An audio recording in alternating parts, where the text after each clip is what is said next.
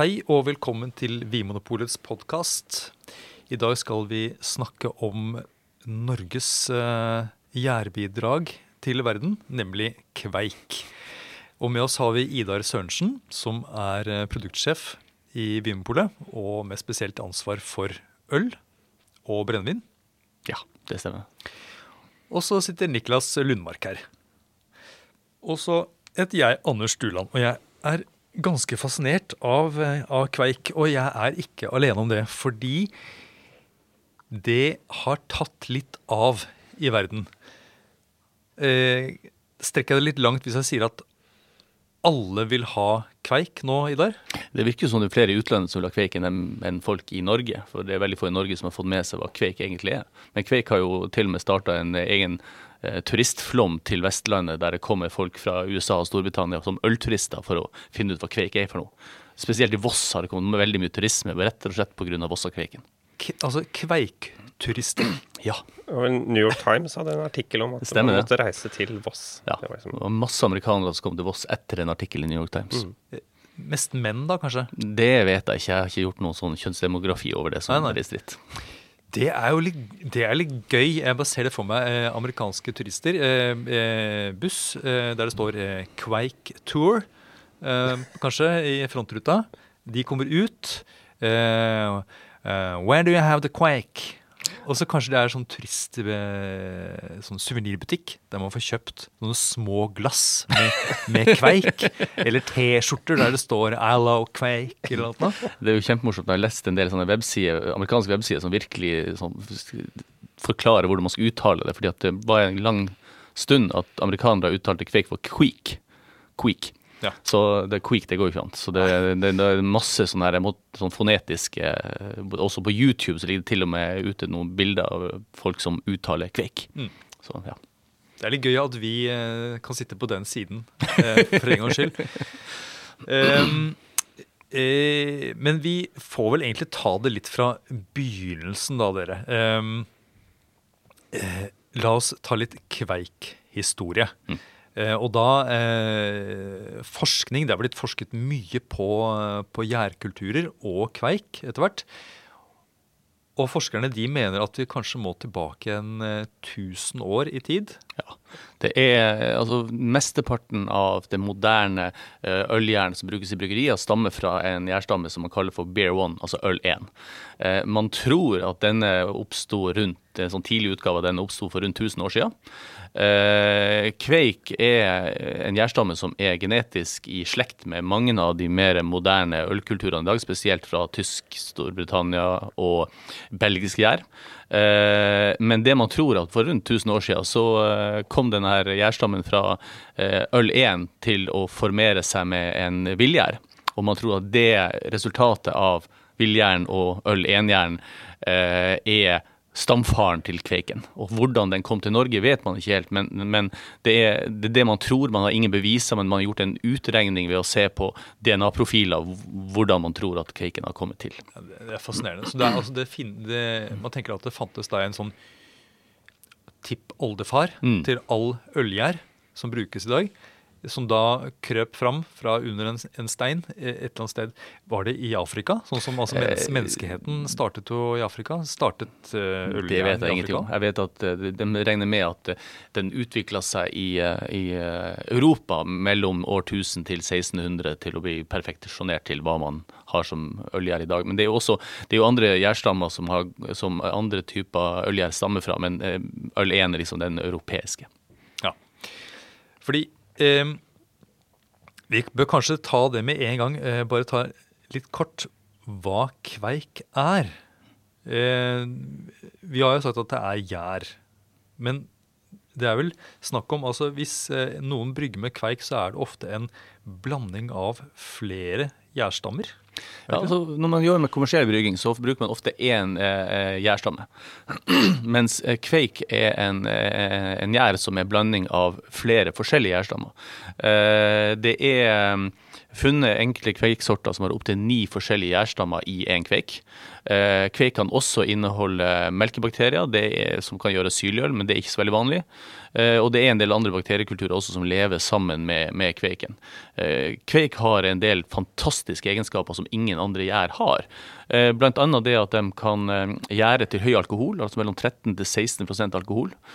Du kan gjære på veldig høye temperaturer, og kveiken liker å gjæres mellom 30 og 40 grader.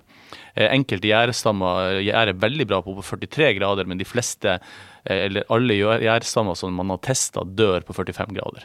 Så istedenfor at man pitcher inn jern på kaldere temperaturer som er vanlig kommersiell brygging, så vil den ha høy eh, temperatur. Å pitche jern, det tror jeg nesten du må forklare. Ja, pitche jern er det øyeblikket du tilsetter jern i vørteren.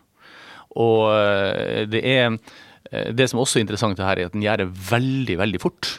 Eh, jeg var på en festival i Hornindal som bare er en egen kveikfestival der, der man lagde et øl på fredagen. Satt den klokka to, pitcha man inn jern i vørteren, og klokka tolv dagen etterpå så målte man alkoholen i ølet til 5,2% Så vi hadde en ferdig øl på under 24 timer.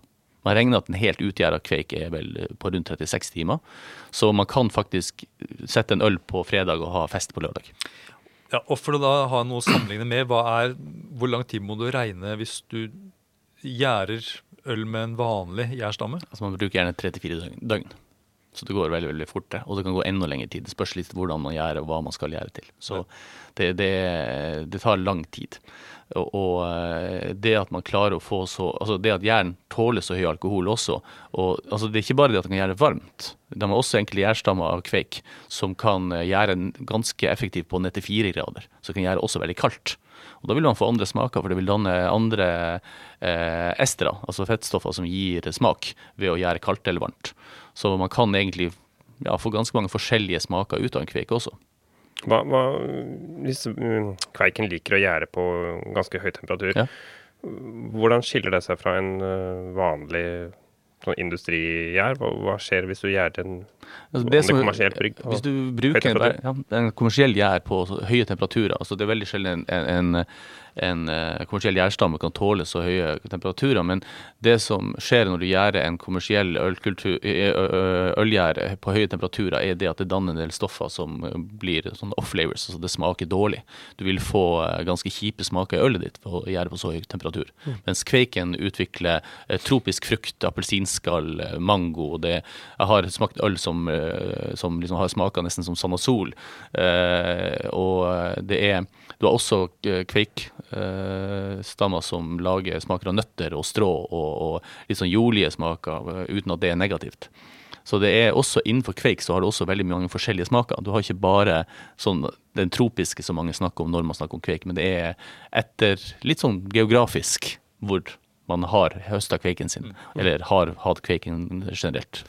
Men vi kan vel si det at de fleste øl der det er brygget med kveik, er ganske fruktige. Ja, det stemmer. Eh, og jeg tenker, Da har de jo noe til felles med f.eks.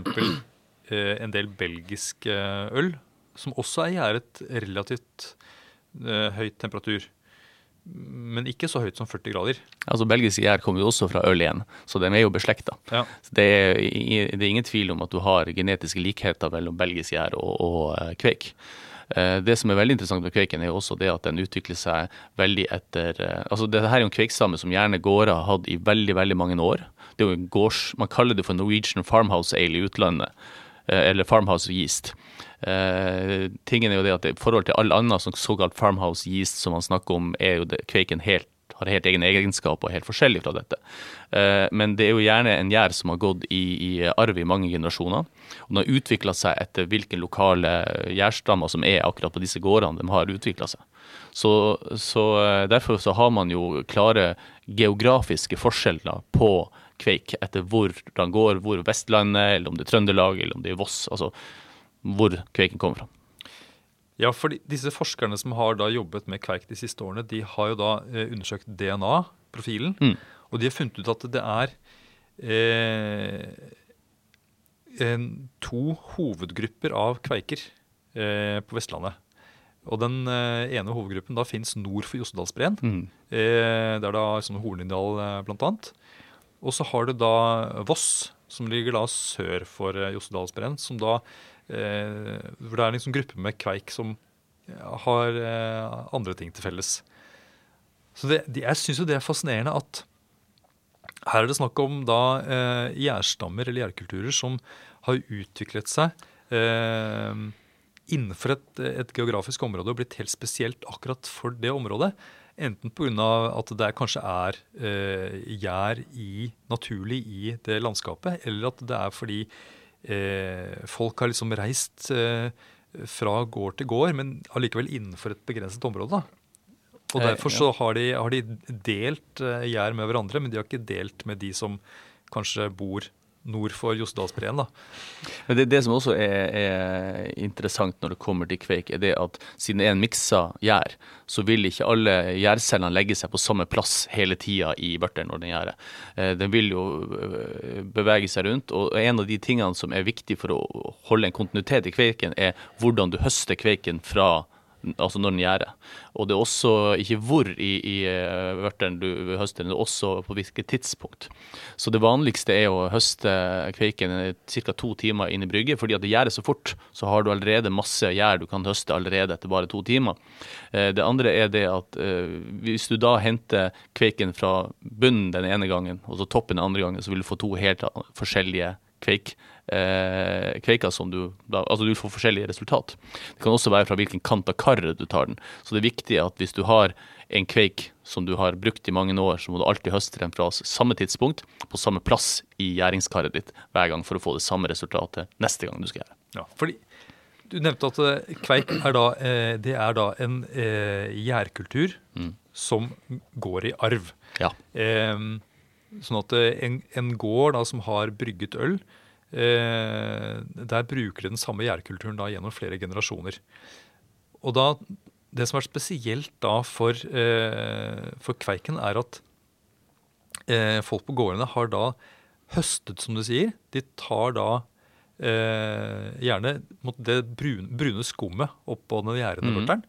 Og så tørker de det, enten at de dypper et eller annet, en, eller annen sånn, en sånn krans av, av, tre, eller at en sleiv, eller at de bare brer det ut på et stykke med tøy eller papir. Ja, det er veldig vanlig. altså Dem som bruker sin egen gjærstamme gang etter gang, bruker gjerne det man kaller en kveikkrans nå i dag.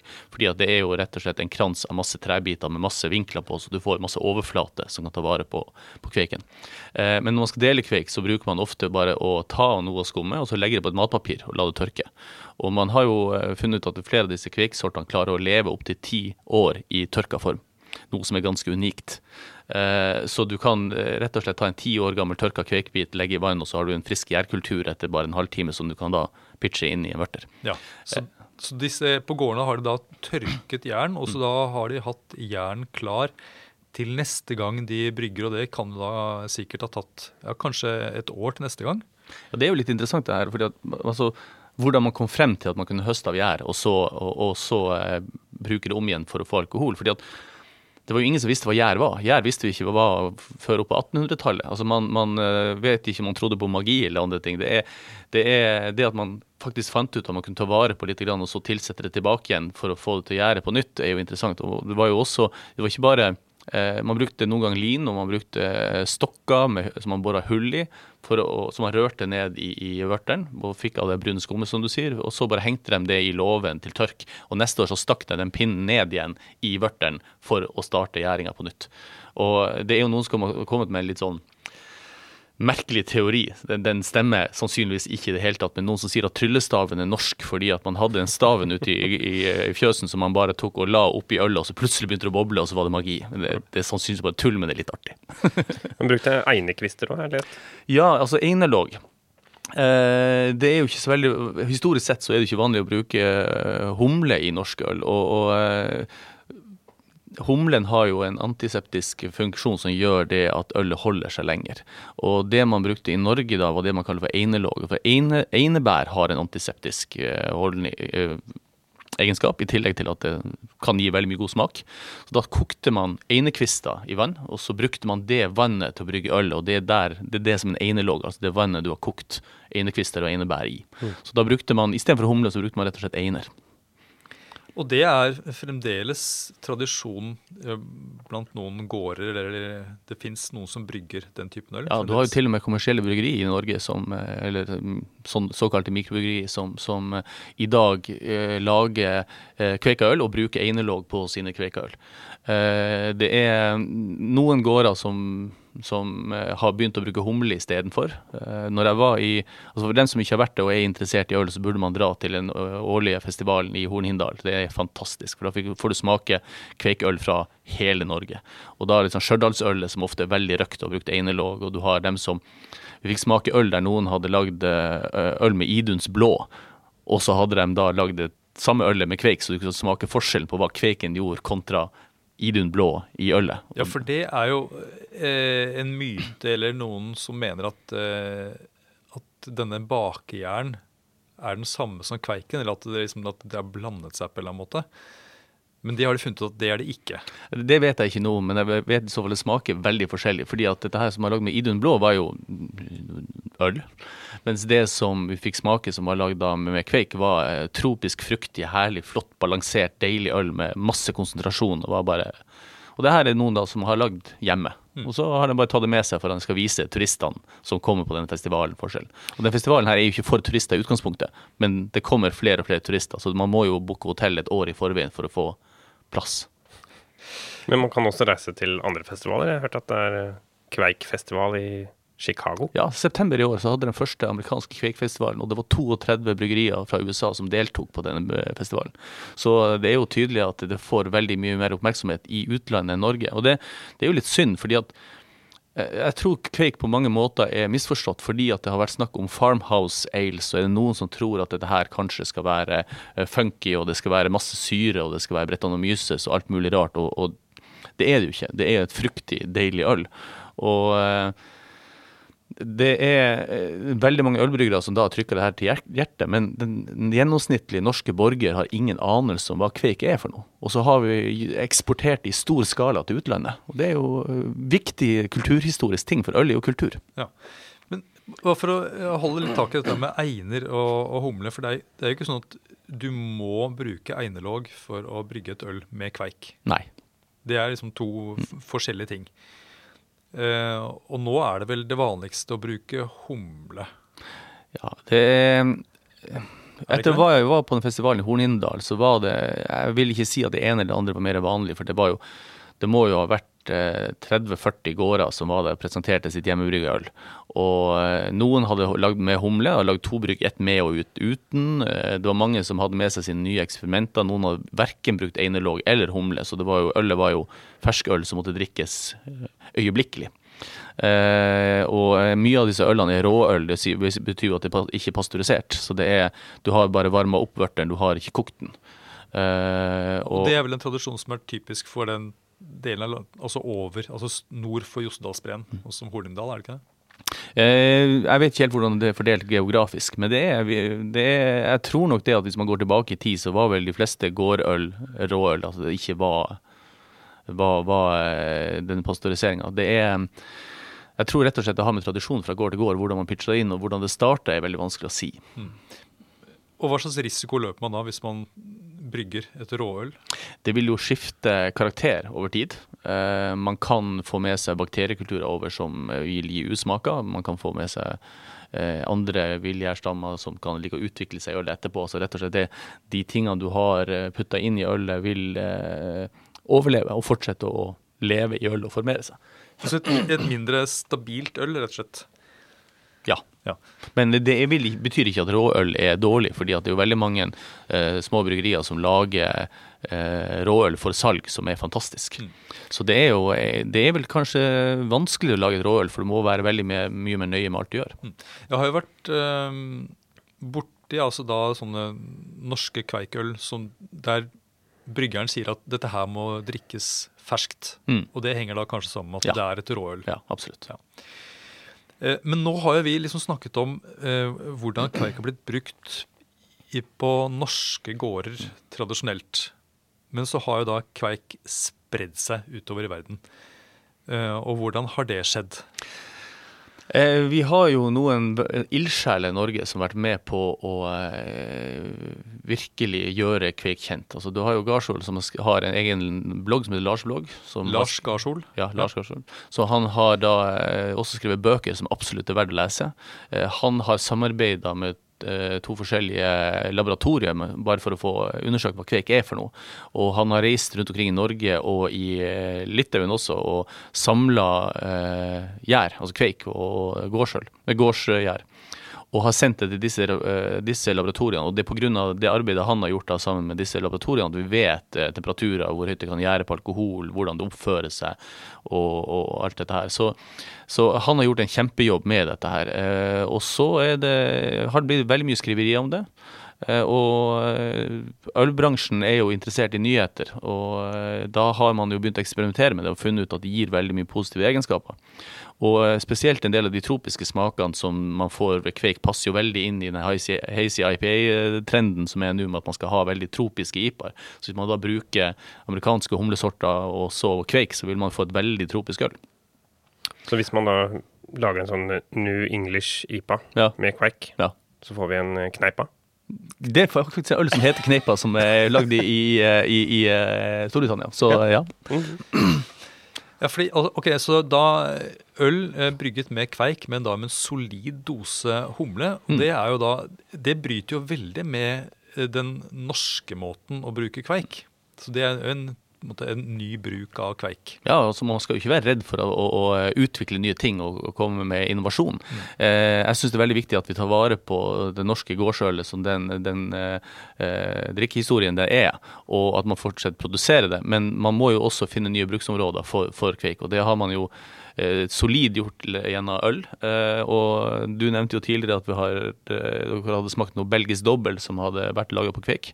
Eh, vi vet også at det er enkelte destillerier som nå Eh, eksperimentere med å gjære med kveik fordi at du får eh, veldig mye ester, altså mye smak. Du får høy alkohol, som gjør at du får høy avkastning på det du skal destillere. Og eh, det gjærer fort, så du kan gjære mer og få oftere. Uh, og jeg har smakt uh, et, et, en test fra et norsk bryggeri som har uh, Unnskyld, destilleri som har gjæra Altså destillert en, en kveika råøl fra et norsk ølbryggeri. Og det, den råspriten som kom ut av det, var helt fantastisk. Altså det første destillatet der smaker utrolig fruktig godt, og det kan sikkert bli veldig spennende å se hvor det går videre. Kanskje vi får en trend med whisky på kveik? Det er ingenting som noe regelverk som stopper det, så det kunne vært interessant. Ja. må bare se hva som skjer med alle disse smakene når det lagres på fat. Ja. Fordi det, det, vanlige nå er jo at uh, destillerier som lager whisky, at de bruker en sånn standard gjærtype som kalles uh, destillers yeast. Ja, de fleste bruker det. Uh, som er en effektiv uh, gjærtype. Men den gir kanskje ikke så voldsomt mye fruktighet da, som kveik kan gjøre? Nei, det gjør den absolutt ikke. Men det er også det at du ser at det er flere og flere destillerier nå som begynner å bruke vingjær. Eh, noen få begynner å eller, bruke allerede ølgjær i produksjonen. Eh, jeg syns ølgjær høres litt mer spennende ut, rett nettopp fordi at øl og whisky er så nært relatert produksjonsmessig. Eh, og eh, hvorfor skal man da ikke prøve kveik? Nei, og Gjennom destillasjonsprosessen så er det da er det da i hvert fall i teorien mulig å få disse esterne, disse fruktige aromaene, over til ja. brennevinet. Ja, absolutt. Ja, så det hadde vært veldig gøy. Eh, men altså eh, Et utenlandsk bryggeri da, som hiver seg på kveikbølgen og vil lage da en IPA med, med kveik. Hvordan får de tak i kveiken? Må de ha kontakt med en bonde eh, i Hornindal, eller Fins det andre måter? Eh, det, det, er jo to måter å gjøre det på. Og Det mest interessante det er den som tar kontakt med bonden. og Det er faktisk flere bryggerier som har gjort, og får, får en bit. Og det som er veldig hyggelig med, med, en del av disse her gårdene Jeg vet ikke hvordan det er, for det har vært en del etterspørsel i det siste. Men tidligere så har det vært det at man deler gjerne med seg med kveiken. Det har ikke vært noe Man har vært litt stolt av at noen vil ha deres kveik. og har delt med seg det man kan dele med seg. Eh, men det er jo en del av de større kommersielle, sånn som Omega og Whitelab, som har eh, begynt å dyrke kveik. Men mye av denne kveiken er, har de tatt da og, og, delt opp kveiken og funnet isolerte gjærstammer som de velger å eh, eh, produsere videre. Eh, jeg vet ikke helt resultatet av alle disse her, men det høres jo litt ut som at når du har en kveik som kan ha ni forskjellige gjærstammer i seg, og så tar du og isolerer én av dem for å lage øl av det, så vil det jo sannsynligvis ta vekk noe fra sluttproduktet når så mye av smaken i en kveika øl kommer fra kveiken. Eh, men det, det får vi vente og se og smake mer av dette ølet og se hvordan det utvikler seg. Jeg har jo smakt én øl som kom fra en norsk gjærstamme der man har eh, isolert én eh, gjærstamme ut av kveiken for så å bruke den videre, og det ølet var var litt kjedelig. Det var ikke så godt, for jeg smakte smakt gårdsølet til samme person som har gjort dette her. Mm. Eh, men det, det, det, betyr ikke at noe av det ølet som kommer med bare én gjærstamme fra, fra, kveiken, er dårlig. Jeg bare er veldig interessert i å se noe utviklinga fremover om hva det blir. Så Det er også da profesjonelle gjærlaboratorier som nå eh, jobber med kveik, ja, og som ja. selger da eh, forskjellige versjoner. Mm. Og Jeg har også sett noe av det på, i nettbutikker. og det, det hyggelige og litt morsomme er jo at eh, navnet på disse eh, gjærtypene har sånne norske navn. Mm. Sigmund, f.eks. Mm. Eh, kan dukke opp. Det jeg har sett, jo... sett på en, etiketten på en flaske på amerikansk øl hvor det sto Sigmund eh, Kveik. Ja, det er kult. Da, da, håper jeg virkelig at det også den kveiken er, er en hel kveik, og ikke bare en gjærstamme som man har dratt ut av det. Det er jo kjempetøft. Ja. Eh, det som er så fint siden man kan tørke kveiken, er det at den er jo ekstremt lett å frakte, så lenge ikke det du frakter i blir vått. Så eh, man kan jo bare putte det i en liten ziplock og putte det i posten, og så konvolutt, og så sende det. Du kan bare smøre det ut på brevpapiret, faktisk. Ja, det kan du. Eh, og så tørke det på brevpapiret. skrive, skrive noen vakre mm. ord, ja, og så og så, Dette er skrevet i kveik. Ja. Og så kan du bare dyppe papiret ned i vørteren, og så mm. Sender det. Ja, ja, ja. Men, men når kveiken er så forskjellig, altså den er fra gård til gård omtrent, eller fra region til region, kan vi nesten kalle dette her for uh, liksom vår terroir? Ja, ja, fordi at eh, kveik er jo en familie. Altså det, det, det, er, selv om det er forskjellig fra gårder til gårder, så er da den norske kveiken eh, så beslekta med hverandre fra de forskjellige gårdene at man kan kalle dette her for eh, noe som er særegent norsk. Mm. Eh, man lager jo eh, gjær, altså man har gjær som har samme egenskapen i Litauen f.eks., som da er eh, man begynte å kalle kveik i begynnelsen, men man har funnet ut at DNA er såpass forskjellig at det er en annen familie, men det likevel har en del av de samme egenskapene. og Eh, som jeg har hørt, så er det litauiske eh, gjæret ikke så glad i å bli tørka, f.eks., som, som kveiken er. Hmm. Ja, Det er interessant det du, det du nevner, Niklas. Eh, for i, altså, Vinindustrien, og spesielt Frankrike, har jo vært, sånn der, eh, vært veldig kjent for det å snakke om terrar eller jordsmonn, hvordan det preger vinen. Og det er klart at Når det er noen spesielle egenskaper som, er, som gjær inn, eller kveik innenfor et geografisk område har til felles, så kan vi jo nesten begynne å snakke om en sånn type eh, terroir- eller jordsmonnspreg. Ja, absolutt. Og, og, det er ikke så ofte at det er snakk om sånne ting innenfor øl. Eh, så Det er jo veldig spennende. Nei, man prater jo også om, om eh, terroir, for man sier at korn har eh, egen egenskap etter hvor det grå, vokser. Men jeg har prøvd å få en del svar fra, fra folk som snakker om dette her, om hvordan vil dette kornpreget utarte seg når du bomber det fullt av humle, når du tar og eh, varmebehandler det for å få Maillard-effekten for å da få mørkere kornsorter? Vil man da kunne fremdeles kjenne terroiret? Og det har jeg ikke fått noe klart svar på ennå. Så eh, jeg er helt sikker på at eh, korn sannsynligvis har forskjell fra hvor det er grodd, grodd i verden. Men eh, men med alle de tingene man gjør med øl, så er jeg, jeg i så fall usikker på hva sluttproduktet og hvordan det vil bli. Eh, og jeg er veldig interessert i å finne mer ut av det her. Men Kveik er en sånn ting der vi vet absolutt at dette vil gjøre noe spesielt med sluttproduktet. Mm. Der kan vi si helt tydelig at dette er noe særegent for Norge, og dette gjør noe spesielt med ølet, så det smaker på en spesiell måte. Og da må vi kunne snakke om terroir. Så det blir nesten som uh, disse her uh, ulike gårdene i Hornindal. Det er uh, nesten som en kommune i Burgund. Og så er hver kjeller er på en måte en, en, ulik produsent. Det er, det er, noe spennende her som, mm. som, jeg tenker ikke er så vanlig i, i ølverden. Kanskje vi får sånn klassifiseringer også, som Premier Cry og Grand Cry Kveik. Ja, hvor, hvorfor ikke? Ja. Um, har, dere har nevnt da IPA uh, med kveik, uh, og så har vi da den tradisjonelle norske uh, kveikølet. Men det fins også porter. altså Det, er, er vel, finnes vel ingen begrensninger? Sånn, du kan lage mange ulike ølstiler jeg tror du kan egentlig lage hva som helst av ale-versjoner på Kvik. Ja. Uh, jeg tror ikke det er noen, noen uh, begrensning her. Ja, pils er kanskje det eneste du ikke Jeg vet ikke om vi kan klassifisere det som pils lenger. Det, det, her, det her er vel egentlig en, en ale-gjær og ikke en, en, en lagegjær. Mm. Uh, og det, det, som Altså, Kveik har jo veldig mye av de smakene som man kan f.eks. finne i en barleywine med, med fruktige aromaer. Eh, kanskje det at i barleywine ofte er litt mer tørka frukt, men det er, det er likevel fruktaromaer som du ofte finner i eh, veldig mye øl som har litt varmebehandla malt i seg. Og eh, derfor så, så, skulle det ikke være noe i veien for å teste de fleste ølsorter med kveik. Mm. Men eh, hvis vi da skal prøve å begrense det litt, eh, hva, hva, måte, hva, hvis noen vil prøve eh, et um et tradisjonelt kveika øl, eh, hvordan ser det ut, og hvordan smaker det, vil du si? Det, har jo igjen litt med hvilken, hvilken kveik du har valgt, men, men, det som ofte går igjen, eh, er eh, veldig frukt, fruktige eller tropiske aromaer. Det går igjen i veldig mye av de forskjellige kveikene. Det er noen av kveikene som også lager et mer øl med mer sånn nøtter og strå-aroma. Men, men hvis man skal se på det store og det hele, så er det så fruktige veldig mye frukt som går igjen. Og gjerne appelsin, mango eh, og ananas mm. eh, som går igjen i, i, en del av disse her kveikene. Eh, så hvis man skal liksom putte én definisjon av det, så vil jeg gå mot den fruktige. Fruktig, ja. Og er de lyse eller mørke, eller sånn mellom, mellomting? Det kommer an på hvilken malt du har brukt. Hvis du bruker lys malt, så får du lyst øl og så videre. Så, hva, er det, men, hva er det vanlige på Vestlandet?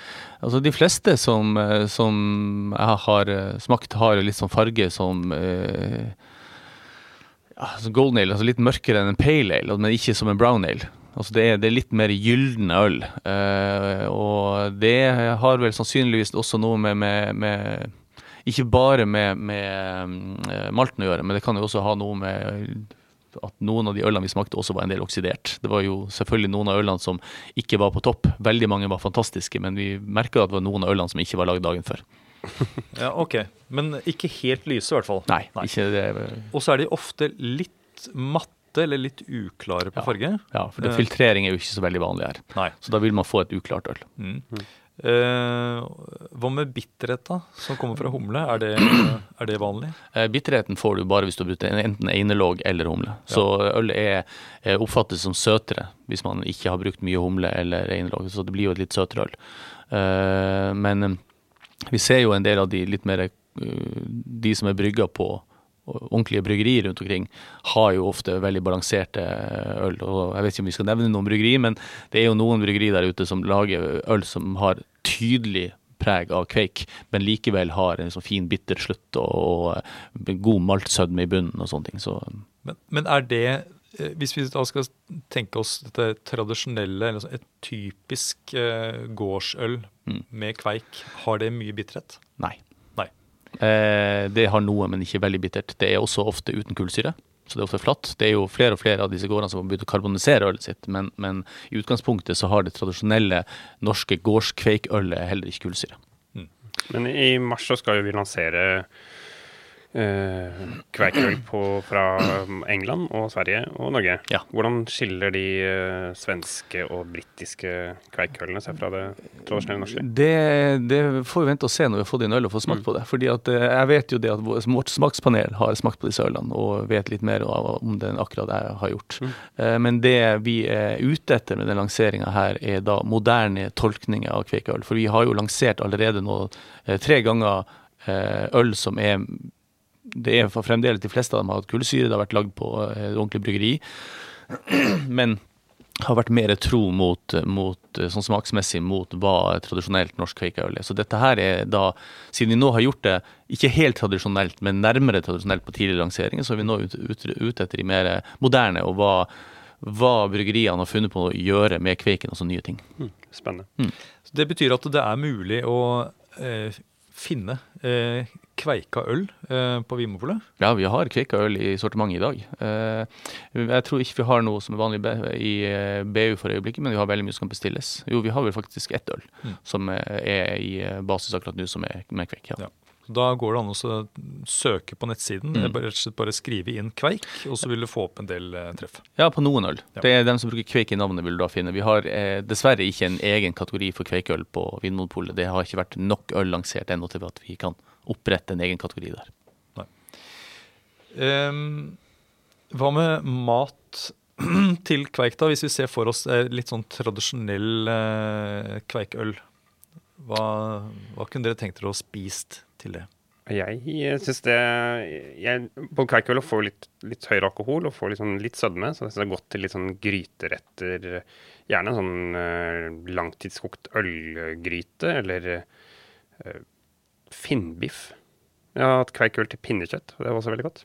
Mm. Ja, altså jeg tror gjerne alt, altså mye av vilt også, der du har litt tørt, tørt mm. kjøtt. Altså rype og kanin og hare. Sånne ting som, som har tørke, mindre fett i kjøttet. Mm. Så kan et litt eh, sånn søtere eh, kveikøl være kjempegodt. Ja. Så har man gjerne litt sånn sødmefullt tilbør, sånn som rotfrukter og gjerne fløtebasert og sånn. Det gir mer sødme i retten, og da trenger du litt sødme i, i drikken også. Ja, så det er, det, For meg virker det som øl som er ganske robust. Det har liksom eh, litt av det karamelliserte preget mm. fra maltet. Masse fruktighet og litt av sødme, som sier, Idar. Så det, det tåler mat med, som smaker en del, som kanskje har litt sødme, og som er salt eller som kan være røkt, til og mm, med. Mm, ja. Det er jo mye sånn norsk tradisjonsmat som sikkert vil fungere bra. Reke, uh, sushi, uh, sånn litt sånn, litt sånn sarte fiskeretter der er jeg litt usikker på om jeg ville valgt eh, et, et sånt tradisjonelt kveikaøl. Ja, men jeg, jeg syns det er godt Eller? med litt til sushi hvis du er glad i en del soya og sånn. Ja. Da syns jeg det er godt med litt sånn sødmefullt, litt, litt sånn der karamellisert preg i ølet. Ja, akkurat. Da altså, serverer du sushi med kveikaøl. Da er du rimelig hot. Tusen takk skal dere ha, begge to. Takk for at du hører på Vinmonopolets podkast. Har du forslag til et tema i podkasten? Send mail til podkast at vinmonopolet.no. I tillegg svarer kundesenteret deg på e-post, chat og telefon.